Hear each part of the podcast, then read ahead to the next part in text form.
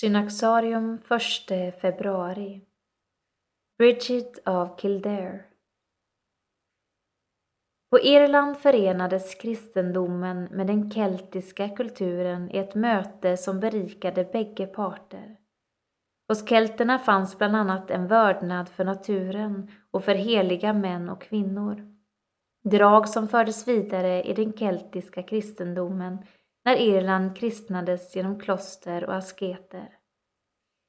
Den mest kände av dessa är Patrick av Irland, men tätt efter honom kommer Bridget av Kildare. Något av det mest utmärkande för Bridget var generositeten mot de fattiga. Den kunde ta sig halsbrytande uttryck, inte minst när hon var barn. En gång gav hon bort hela modens smörförråd. Det orsakade en förargelse som förbyttes i förundran när man upptäckte att det tomma förrådet, mirakulöst nog, fyllts till bredden igen. Vid ett annat tillfälle följde hon med sin far som var hövding till den irländske kungen.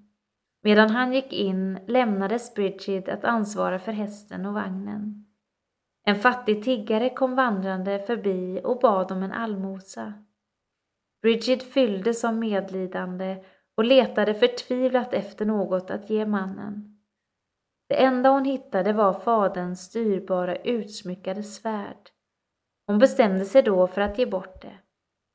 När hennes far återvände blev han rasande, men hans dotter svarade lugnt.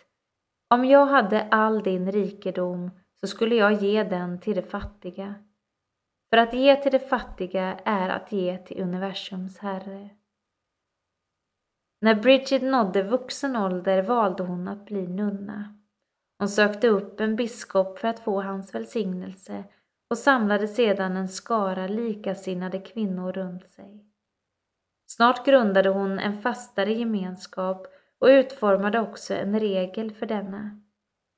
Det blev det första klostret för kvinnor på Irland och ett av de första i sitt slag i Europa.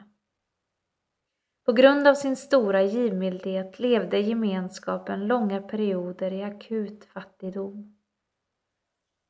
Ryktet om Bridget spreds över ön och snart hade fler liknande kloster grundats.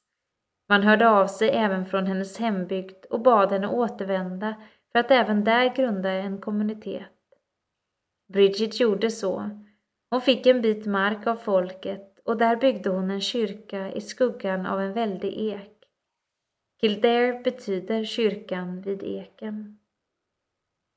Där dog hon också år 525, 86 år gammal.